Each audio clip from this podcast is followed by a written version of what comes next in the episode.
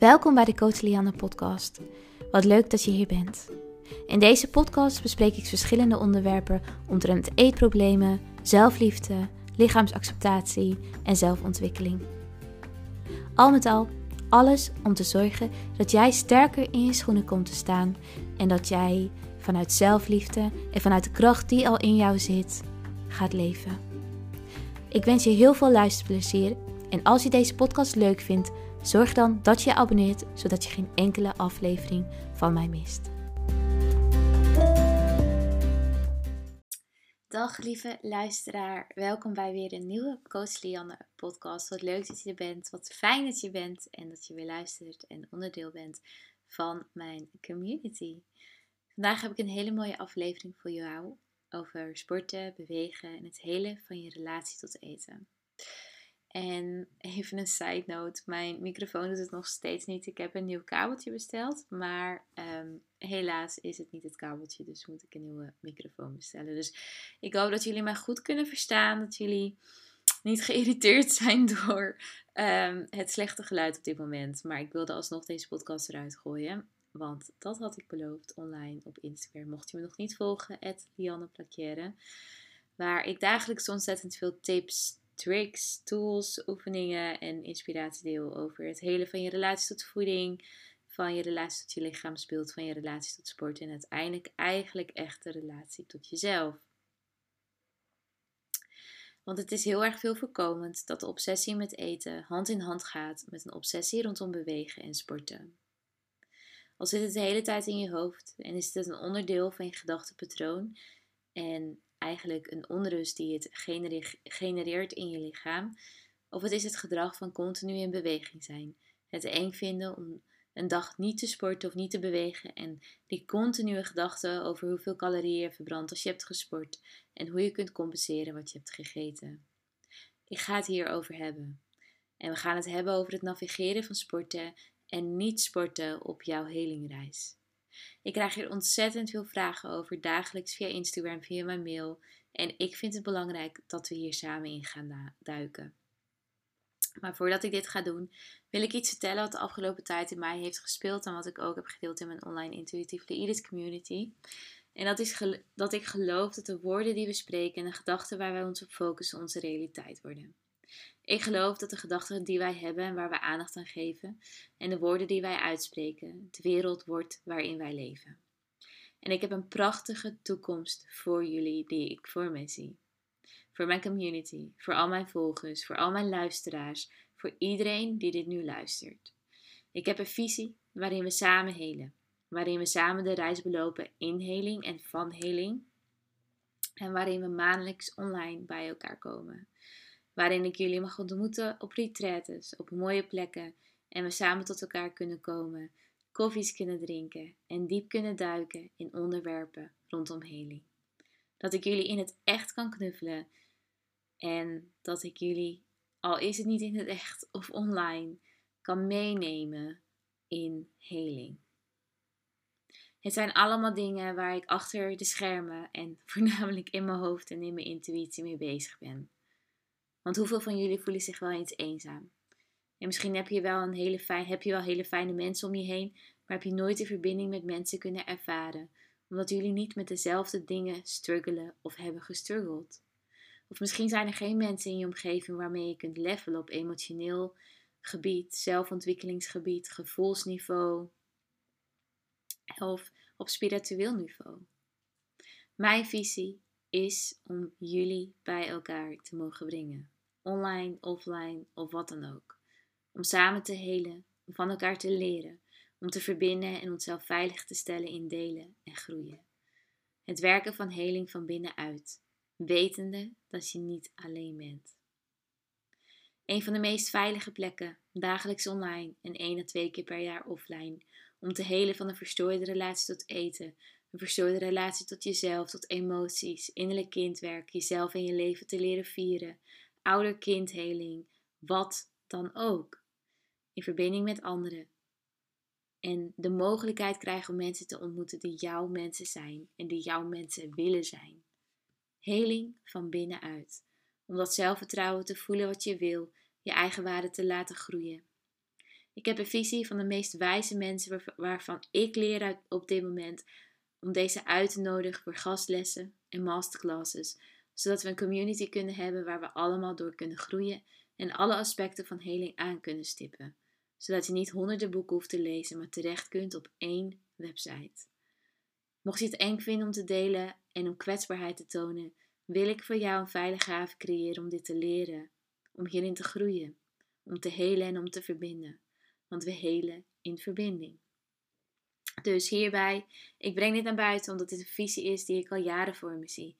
En ik weet 100% zeker dat dit gaat gebeuren, want alles wat ik heb uitgesproken tot nu toe is mijn waarheid geworden. Als dit iets is waar je geïnteresseerd in bent, laat het me alsjeblieft weten. Stuur mij een berichtje op Instagram of een mailtje via mijn contactformulier op mijn website. Want ik ben zo benieuwd naar jou en, en hoeveel mensen echt geïnteresseerd zijn hierin. En ook of je graag naar Spanje en Bali zou willen afreizen voor vijf dagen met mij in retraite.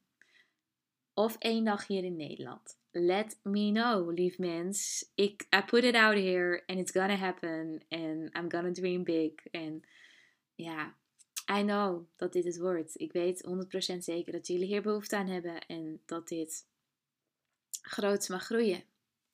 Wel, oké. Dankjewel voor het luisteren naar mijn visie.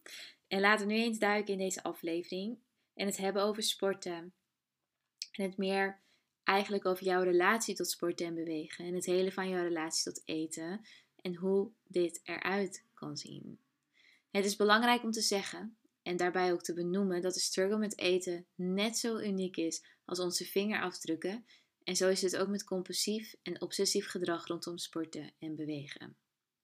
Het pad wat iemand beloopt om balans en vrijheid te creëren, hoeft en is misschien niet het pad wat jij nodig hebt om te belopen. En dit is oké, iedereen is anders, iedereen is verschillend en laten we onszelf als individu bekijken met daarbij het geïnspireerd worden en gemotiveerd worden door verhalen van andere mensen en hoe andere mensen dit hebben gedaan. Maar jij bepaalt wat voor jou werkt en wat niet. Wees je er als, alsjeblieft bewust van dat je een individu bent en dat de gedachten die ik ga delen uit persoonlijke ervaring komen. Ik moedig je niet aan, op wat voor manier dan ook, om precies hetzelfde te doen wat ik ook heb gedaan of doe. Maar door te delen hoop ik dat het jou inzichten geeft over hoe jij naar bewegen en sporten kijkt. En om te onderzoeken wat voor balans jij hebt en graag zou willen hebben rondom bewegen. En een nieuw perspectief te laten zien. En hoe jij die balans kunt vinden. Als het gaat over sporten en bewegen en het hebben van een verstoorde relatie tot eten, zijn het vaak deze twee onderwerpen die hand in hand gaan. Want vaak als je verstoorde relatie tot eten hebt, dan gebruik je compulsieve activiteiten om te compenseren voor dingen die jij doet met eten. Je zenuwstelsel zit daarbij in een fight or flight. Wat wil zeggen dat je ontzettend veel stress ervaart. En door stress ervaar je onrust en ga je vaak meer in beweging willen zijn om naar die onrust te luisteren, omdat je je continu onveilig voelt. En onveiligheid creëert er eigenlijk voor dat we continu weg willen rennen, wat ook dus weer bewegingsdrang kan aanwakkeren.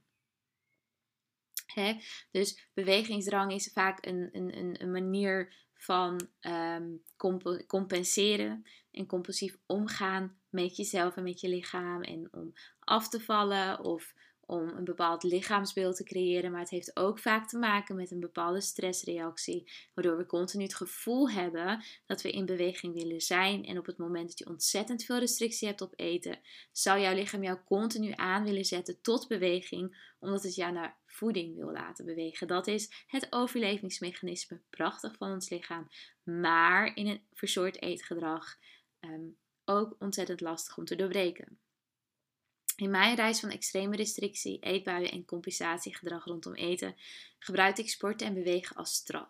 Als straf voor wat ik had gegeten, als een manier om uit mijn lichaam te treden en als een manier om te dissociëren, zoals ze dit noemen in de therapeutische wereld, en als manier om te compenseren. Wat dissociëren betekent, is dat je uit je lichaam treedt. Dus je hebt een ik ben er wel, ik ben er niet ervaring. Wat op het moment dat je het moeilijk vindt om te voelen of met je lichaam te verbinden, omdat dat Ehm, ja, dat geeft een naar gevoel. Dat uh, ken je misschien niet of uh, je bent zo gewend om gevoel te onderdrukken, dan is dissociëren een manier om jezelf veilig te stellen om dus niet te voelen. Ook weer een fight, flight en eigenlijk een freeze reactie van ons lichaam op uh, potentieel gevaar. Voor mij was het um, sporten eigenlijk een manier om iets goed te willen maken. Dus de calorieën die ik binnenkreeg, moest ik door te bewegen en te sporten weer goed maken. En ja, verbranden. Sporten was verbranden voor mij. Calorieën, vet, wat dan ook. En de manier hoe ik sportte was nooit omdat ik het echt leuk vond. natuurlijk waren er momenten dat ik het lekker vond, of dat ik ervan hield, of dat ik het gezellig had in het gym. Maar de daadwerkelijke kernmotivatie en mijn drive om überhaupt te sporten was om af te vallen. Sporten werd in mijn hoofd altijd gekoppeld aan gewicht verliezen en om mijn lichaam te veranderen. En ik benader het nooit als een manier om voor mezelf te zorgen of voor mijn lichaam te zorgen. Eigenlijk was het het tegenovergestelde. Alleen maar om gewicht te verliezen en mijn lichaam kapot te maken. Hoewel ik wel geloofde dat hoe meer ik sportte, hoe gezonder ik zou worden. Dieetcultuur dingetje. Onze relatie tot beweging en sport is multidimensionaal. Als je aan de ene kant voelt dat je van beweging houdt en dat het een grote manier is om stress te verlagen, maar als je heel eerlijk bent, zitten er misschien voor jou ook ongezonde componenten bij. Begrijp me dan goed dat dit heel normaal is, want zoals alles in deze wereld, het bestaat niet zwart en wit. Net zoals dat onze relatie tot mensen Hè, er kunnen hele fijne dingen zijn aan mensen, maar er kunnen ook een aantal toxische slash nare dingen zijn aan mensen. Maar we houden wel van deze mensen. Misschien ergens in jouw relatie tot beweging zit dat toxische component wat jouw aandacht op dit moment nodig heeft. En ik ga een deel van mijn persoonlijke verhaal vertellen, wat je misschien een ander perspectief geeft op sport en bewegen. En misschien daarbij ook een andere kijk op waar jij staat als het gaat om sport en bewegen. Veel cliënten die, cliënten die één op één bij mij beginnen met één op één traject, vragen altijd de volgende vraag. Maar ook deelnemers die starten met mijn online Intuitively Iris Academy stellen deze vraag vaak in de Facebookgroep. Wat doe ik met bewegen? Hoe zal ik mijn reis met bewegen en sporten kunnen onderzoeken? Ik begin altijd met het deel, delen van mijn persoonlijke verhaal. Mijn, transitie, mijn transitie rondom bewegen begon zo. Toen ik mijn relatie met voeding ging helen, kwam ik uit een patroon waarin ik heel consistent was met sporten. Ik was eigenlijk gewoon heel obsessief met sporten. Dus mijn achtergrond lag eigenlijk in niet sporten, naar elke dag in de gym staan en daarna serieus trainen voor een bikiniwedstrijd. Het is iets waar ik niet echt veel over praat, maar misschien wel een idee om hier eens een podcastaflevering over op te nemen. Maar deze wedstrijden maakten mijn struggle met eten eigenlijk alleen maar heftiger. De bikiniwedstrijden vergen eigenlijk een continue focus op eten, bewegen en controle. Ik volgde een eetschema en een trainingsschema tot op de millimeter en trainde zeven dagen in de week, soms voor bijna twee uur. En daarnaast hield ik al mijn macro's bij en volgde ik een strak eetschema en moest ik mezelf elke ochtend wegen en dat doorsturen naar mijn coach. Daarvoor um, was ik eigenlijk ook al veel aan het sporten voordat ik die bikiniwedstrijden deed. En ik dacht dus dat die bikiniwedstrijden een manier was om te leren om aan te komen omdat ik moest bulken. Ehm, en ik deed het eigenlijk allemaal een beetje stiekem. Want ik zat toen eigenlijk in eetstoornisherstel, maar ik deed het allemaal stiekem. Dus mijn psycholoog wist hier helemaal niks van. Ehm, en ik dacht, ja, dit is perfect voor mij om te doen. Want dan kan ik sporten en bewegen. Maar dan mag ik ook aankomen, want ik mag bulken. Want ik moet een x aantal kilo aankomen aan spieren. Ehm, maar ja, het was natuurlijk gewoon fucked up zelfsabotage. Want ja, ik telde en ik hield een schema bij. En het voelde allemaal ontzettend veilig. Ik had ontzettend veel controle. Ladi, ladi, la. En ik stond dus elke keer in de gym. Waarin ik eerst eigenlijk helemaal niet mocht sporten. Want ik begon eigenlijk met heel veel sporten. Gezonder eten. Ehm, ja, gezonder eten in mijn beleving. Zo noemde ik dat. En ja, maar ik wil alleen maar gezonder worden. Naar dat ik in behandelingen ging. En toen ging ik moest ik een, een, een eetlijst volgen en um, mocht ik helemaal niet bewegen voor een half jaar lang. Naar oké, je mag bewegen. En toen ging ik zeven dagen in de week sporten en een eetschema volgen, zodat ik die wedstrijden kon gaan doen. Ik was dus in dat moment eigenlijk alleen maar met sporten bezig en ik was altijd over mijn grenzen heen aan het gaan en over de grenzen van mijn lichaam. Ik leefde voor sporten en ik leefde voor het tot in mijn puntjes mijn macro's behalen. En ik visualiseerde letterlijk, als ik s'nachts in bed lag, mijn trainingen. Ik had niks anders om handen op dat moment. Het enige wat ik kon doen was trainen, eten, slapen, want dat was wat ik kende. En ik had verder niks meer. Ik had geen opleiding meer. Ik moest naar mijn psycholoog toe. Ehm, en mijn moeder was heel erg ziek. Dus sporten was voor mij het moment waarin ik andere mensen zag. Waarin ik gezien voel, me, zich, me gezien voelde. Want ik deed die wedstrijden. En oh my god, Lianne was opeens een atleet.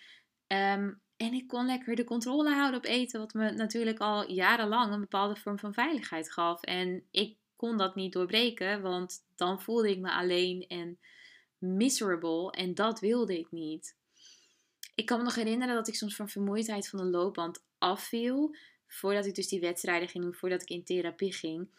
Stond ik ook zoveel in een sportschool waar, waar mijn ouders eigenlijk helemaal niks van wisten. En ik, ik viel soms letterlijk van vermoeidheid van de loopband af. Echt waar. En ik kan er nu eigenlijk keihard om lachen, maar het was eigenlijk zo pijnlijk. ik was in eigenlijk die hele periode van het begin van mijn eetstoornis tot um, in herstel voor twee jaar, tot die bikiniwedstrijden, tot eigenlijk letterlijk echt, echt herstellen, pas echt drie jaar later, ehm, zo obsessief bezig met eten en dieet en alles eromheen, dat dit het enige was waar ik letterlijk aan kon denken. Ik was gedreven, maar ik was gedreven uit angst.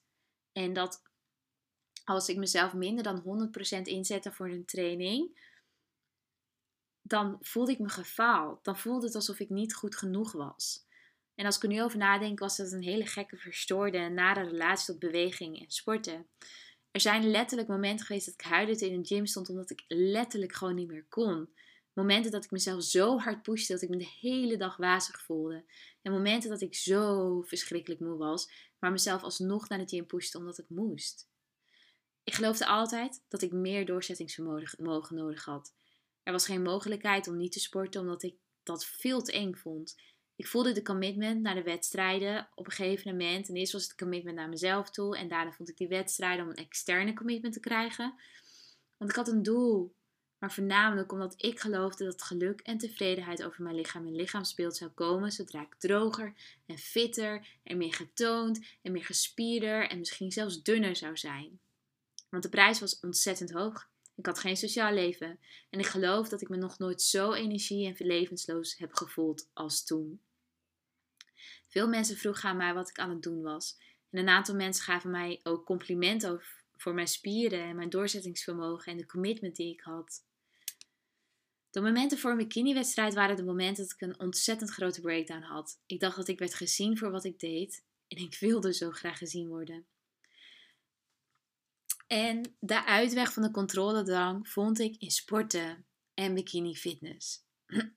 ik loog over ziek zijn of wat dan ook, om niet naar sociale gelegenheden te gaan. Ik moest sporten en ik moest alles controleren rondom eten. Ik liet mezelf niet naar sociale settings gaan, omdat ik te bang was dat er eten zou zijn of dat ik na een gymsessie eigenlijk zou moeten missen. Maar daarbij had ik ook de tijd niet, aangezien ik al mijn maaltijden voorbereiden en moest plannen en naar de gym moest en een aantal duizend stappen per dag moest zetten en cardio moest doen en er was gewoon geen genoeg tijd om met mensen af te spreken of leuke dingen te doen. Ik moest van mezelf op een bepaalde manier sporten. Ik moest cardio doen terwijl ik ervan wachtte. Ik moest en ik moest en ik moest. En door alles wat ik moest, stond ik de hele tijd in die stressmodus, die fight or flight. Ik kon gewoon niet stoppen. Ik durfde niet te stoppen, omdat ik bang was dat ik kilo's aan zou komen. En dat ik niet meer gezond zou zijn, of dat er iets ergs met mijn lichaam zou gebeuren als ik niet meer zou bewegen of niet meer zoveel zou bewegen.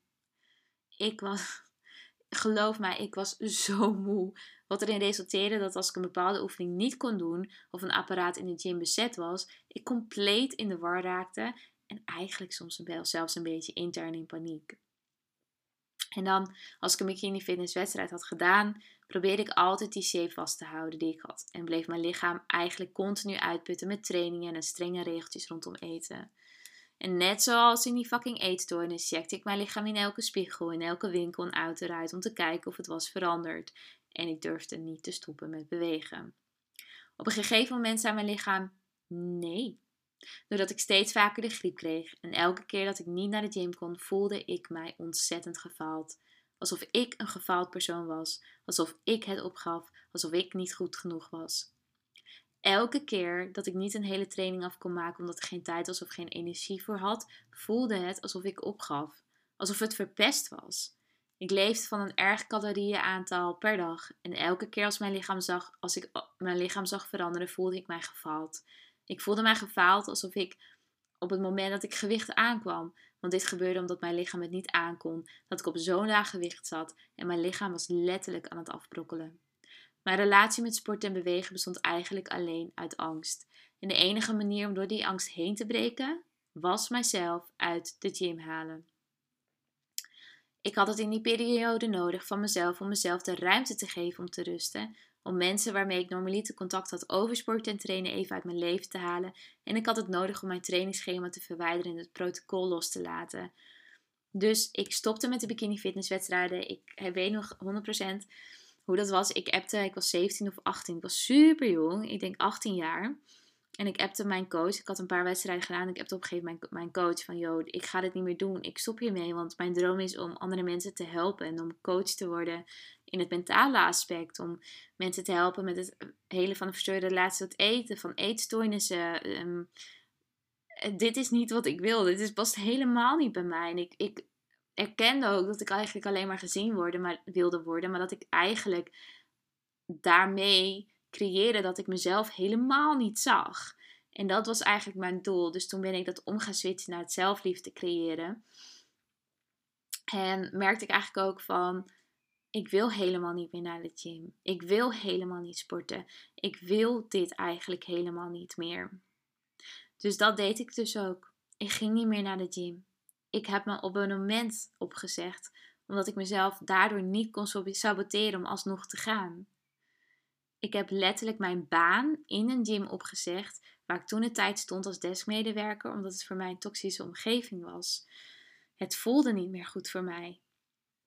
En toen belandde ik in een burn-out en wist ik 100% zeker, die hele gymsfeer moet ik op dit moment terug toekeren. Elke keer dat ik die gym binnenliep, waar ik dus ook trainen en werkte, voelde ik zo'n ontzettende druk op mijn borst. Zoveel stress. Wat ik nodig had van mezelf was alles even stoppen om te leren om om te gaan met de chaos die rust en niks doen mij gaf. De onrust die ik voelde bij rust. De onrust die wij krijgen op het moment dat wij een patroon doorbreken. Ik wist dat sport een onderdeel mag zijn van mijn leven en dat wilde ik uiteindelijk ook altijd wel weer, maar niet op de manier waarop het toen voelde en hoe het voelde. De angst, de controle, de obsessie, de restrictie en de compensatiemethode. En ik wist ook dat als ik mezelf de vraag moest stellen of ik moeite had met rust. Niet of ik moeite had met niet bewegen, maar had ik letterlijk moeite met rust. Met niks doen. Met het niet volgen van een trainingsschema. Met een keer niet naar de gym gaan, maar koffie drinken met een vriendin. Last minute. Met de gym inwandelen en weer weggaan zonder te sporten omdat het niet goed voelt. Met gewoon eigenlijk de hele dag alleen op de bank luieren zonder iemand te bespreken, een boek te lezen en daarbij te eten waar ik zin in had. En mijn antwoord was op alles in het begin: ja, dat vind ik moeilijk of ja, dat durf ik niet. Ik durfde het niet. Ik voelde zoveel angst om dit te doen, maar ik wist diep van binnen dat ik dit nodig had. Ik moest compleet op die fucking rem trappen om te ervaren wat er onder deze drang zat. Wanneer cliënten bij mij kwamen met, komen met het onderzoeken van een relatie tot beweging, of in mijn online academy, wat dan ook, één op één sessies, online academy, mijn deelnemers vragen deze vraag. De vragen die ik zijn, stel zijn als volgt. Zeg jij frequent afspraken af, of plannen met vrienden af, of andere sociale events om te kunnen sporten? Ik heb dit heel vaak gedaan. Letterlijke leugentjes verzonnen zodat ik, niet kon, zodat ik kon sporten en er niet naartoe hoefde. In mijn online academy heb ik het ook over het leven uit kernwaarden. En nu denk je misschien maar, Lian, wat heeft dat hiermee te maken? Wel, als jij op het einde van je leven loopt, wil je geen spijt hebben van het feit dat je afspraken hebt afgezegd met de lieve mensen om je heen, alleen omdat jij vond dat je moest gaan sporten. Als je kijkt naar je kernwaarden en deze eens naast jouw relatie tot eten legt en met bewegen legt, schromen deze met elkaar. En dit is waar je echt spijt van krijgt. En geloof mij, het is heel pijnlijk om te delen, maar mijn moeder vertelde mij dit. De herinneringen die je niet hebt gemaakt, De mensen die je niet hebt gezien omdat je te druk bezig was met wat je moest doen van jezelf of waarvan je dacht dat andere mensen dat van jou verwachten. Het is zo belangrijk om soms die confrontatie aan te gaan met dit feit, zodat we ons gedrag kunnen aanpassen wat in lijn staat met onze kernwaarden en prioriteiten die wij hebben en wat voor ons belangrijk is. Dus ik doe vaak een activiteit met mijn deelnemers waarin we alle kernwaarden opschrijven, zoals familie, erkenning, liefde, vriendschap. Mijn cliënten zijn voor mij een hele grote kernwaarde, gezondheid, wat dan ook. En zet er een nummer achter van 1 tot 10 wat het belangrijkste is en dan aftellen naar wat het minst belangrijk is. Maar wat je zegt, wat je prioriteit is, dat is natuurlijk één ding wat je hebt opgeschreven. Dit is mijn prioriteit, dit is mijn kernwaarde. Maar hoe jij je gedraagt rondom je prioriteit is eigenlijk een heel ander ding. Want als jij nu eens evalueert over de prioriteiten, slechts de kernwaarden die jij hebt uitgewerkt en waar je de afgelopen tijd uit hebt gehandeld, staan deze dan in lijn met elkaar? Als iemand naast je heeft gestaan de afgelopen periode, stel de afgelopen drie, vier maanden, zullen ze dan weten wat jouw kernwaarden en jouw prioriteiten zijn zonder dit met jou te kunnen overleggen of te vragen.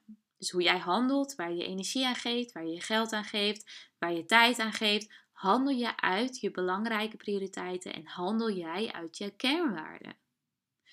En een andere vraag die ik altijd stel als het gaat om het onderzoeken of je een verstoorde relatie met beweging hebt, gebruik je sport en bewegen als een manier om eten te compenseren. Gebruik jij bewegen om het goed te maken voor wat je hebt gegeten? Want dit is het meest toxische wat er gebeurt en wat eigenlijk ook wordt goed gepraat in de dieetcultuur. Bewegen en sporten wordt gelinkt aan eten. Maar we hebben eten nodig om energie te krijgen en te overleven. bewegen hoort hier niet mee in verbinding te staan.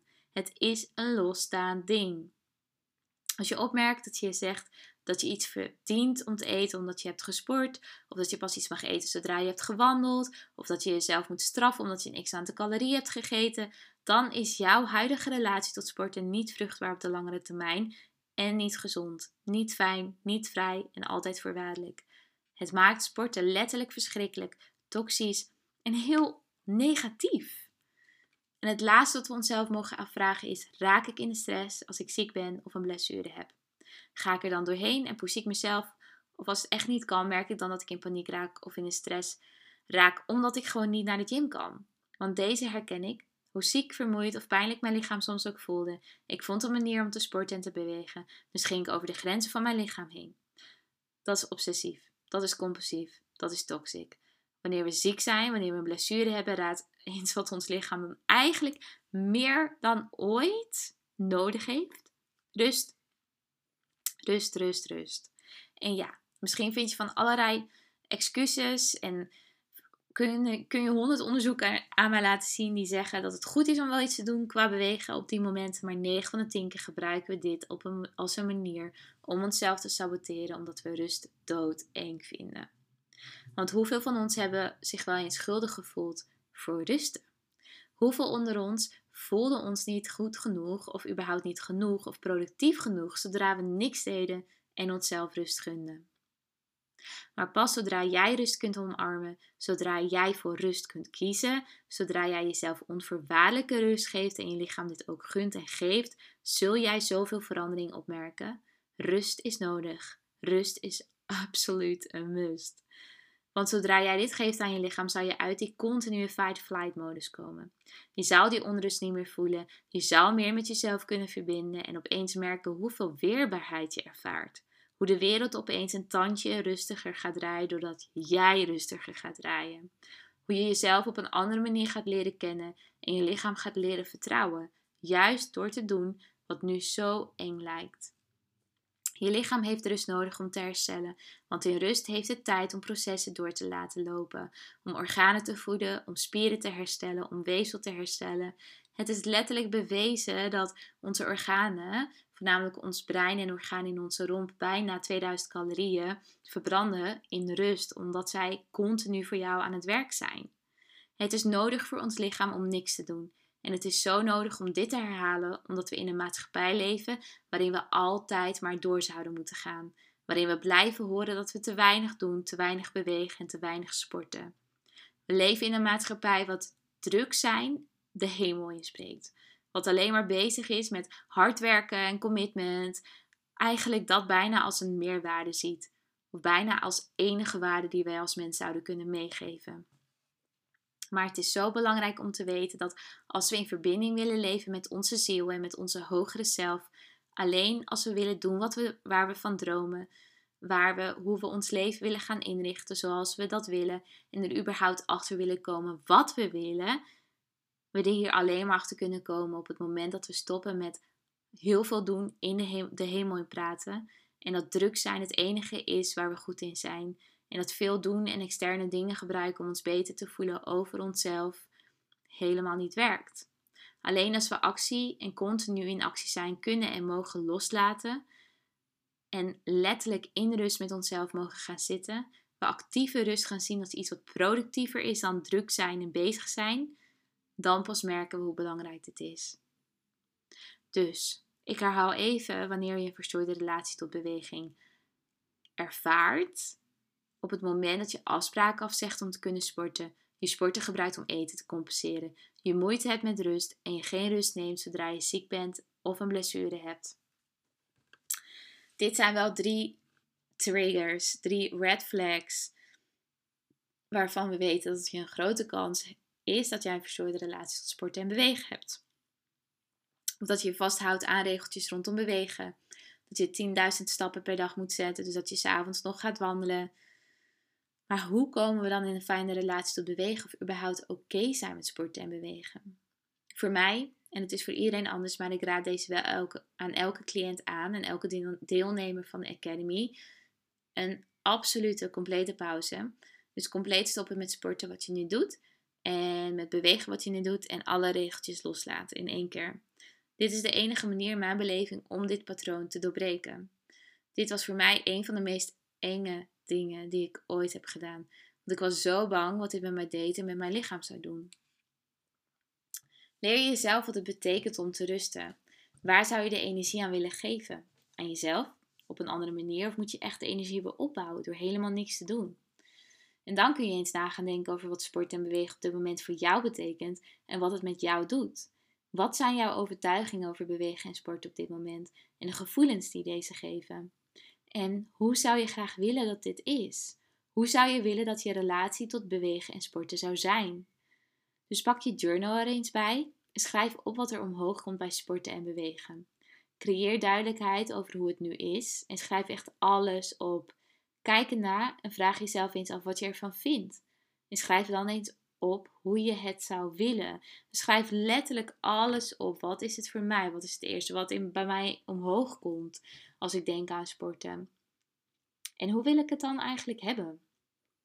Voor mij was het een lange tijd alles of niks. Mijn trainingroutine van 6 tot 7 dagen volgen, alle oefeningen precies uitvoeren met de hoeveelheid herhalingen of wat dan ook. En als ik dit niet deed, was het zonde en had ik gefaald en was het verpest.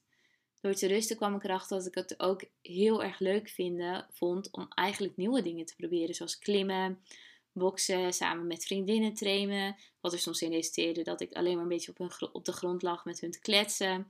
Stretchen, yoga doen, in de tuin werken. I don't know, um, varen. En soms sportte ik gewoon een aantal weken niet. Tot nu waar ik soms ga sporten. Vaak met vriendinnen afspreken in het gym, met gebruik om mijn hoofd licht te maken en in mijn lichaam te komen en geen vast schema volg. Als ik op vakantie ga, hoef ik niet te sporten, want ik vind dat gewoon geen prioriteit.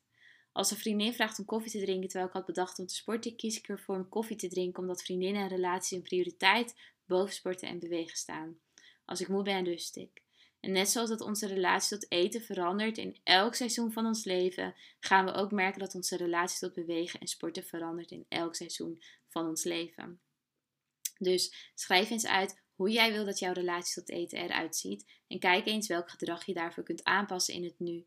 Wat heb jij hierin nodig in het nu van jezelf om daar te komen op dagelijkse basis? En kun je sporten en bewegen ontkoppelen van eten, afvallen en je lichaam veranderen? Want het kan ook een manier zijn om stress te ontladen, om emoties te ontladen en het kan je ook energie geven. Voor mij is het soms fijn om te wegen, omdat ik de hele dag dan achter mijn laptop heb gezeten en ik anders super veel last krijg van mijn nek en mijn schouders. Maar wat we kunnen afspreken op dit moment is dat jij de komende tijd al is het vier weken, vier maanden, zes maanden, jezelf de tijd gaat geven om je relatie tot sporten eens om te draaien. Om uit te vinden wat jij hiermee, hier graag mee zou willen. Hoe dit eruit kan zien is dat je uit je huidige routine komt. Je huidige sportsles beweegroutine. Dat je deze gaat doorbreken door het niet meer te doen. Want we kunnen soms zo vastzitten in dingen omdat dit de enige manier lijkt om te sporten of te creëren wat we willen. Maar dit is niet waar. Want wat vind je leuk om te doen? Waar haal je plezier uit? Een vraag die ik vaak stel aan cliënten is: als sport en bewegen geen invloed zou hebben op je lichaam en je lichaamsvorm, wat zou je dan doen?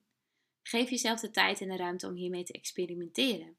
En verander het verhaal rondom bewegen en sporten en hoe jij dit graag zou willen zien. Wees nieuwsgierig. Je hoeft niet bang te worden voor bewegen of sporten, want je bent in controle erover wat je graag wilt. Als jij jezelf niet meer saboteert, als jij jezelf niet meer vast hoeft te zetten, waar zou jij dan plezier uit halen? En als dit niks met bewegen en sporten te maken heeft, dan zou je dit ook niet hoeven te doen. Je hoeft niet altijd een sessie, uit een sessie te komen alsof je niet meer, bijna niet meer kunt lopen.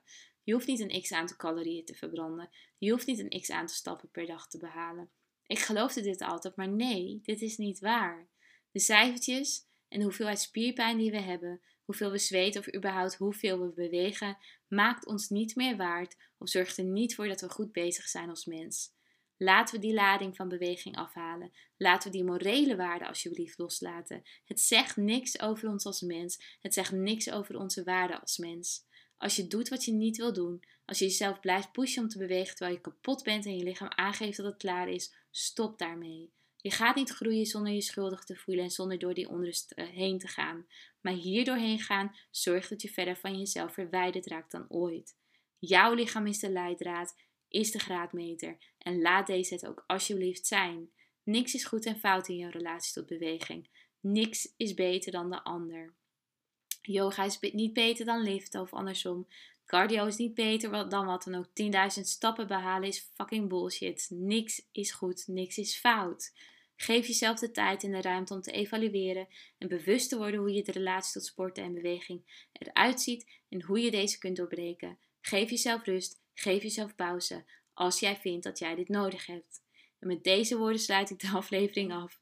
Ik hoop dat het je aan het denken heeft gezet en dat je aan de slag kunt gaan met deze tips dat je je gezien en gehoord voelde in de aflevering en dat je jezelf de ruimte geeft om te rusten. Luister naar je lichaam ten alle tijden.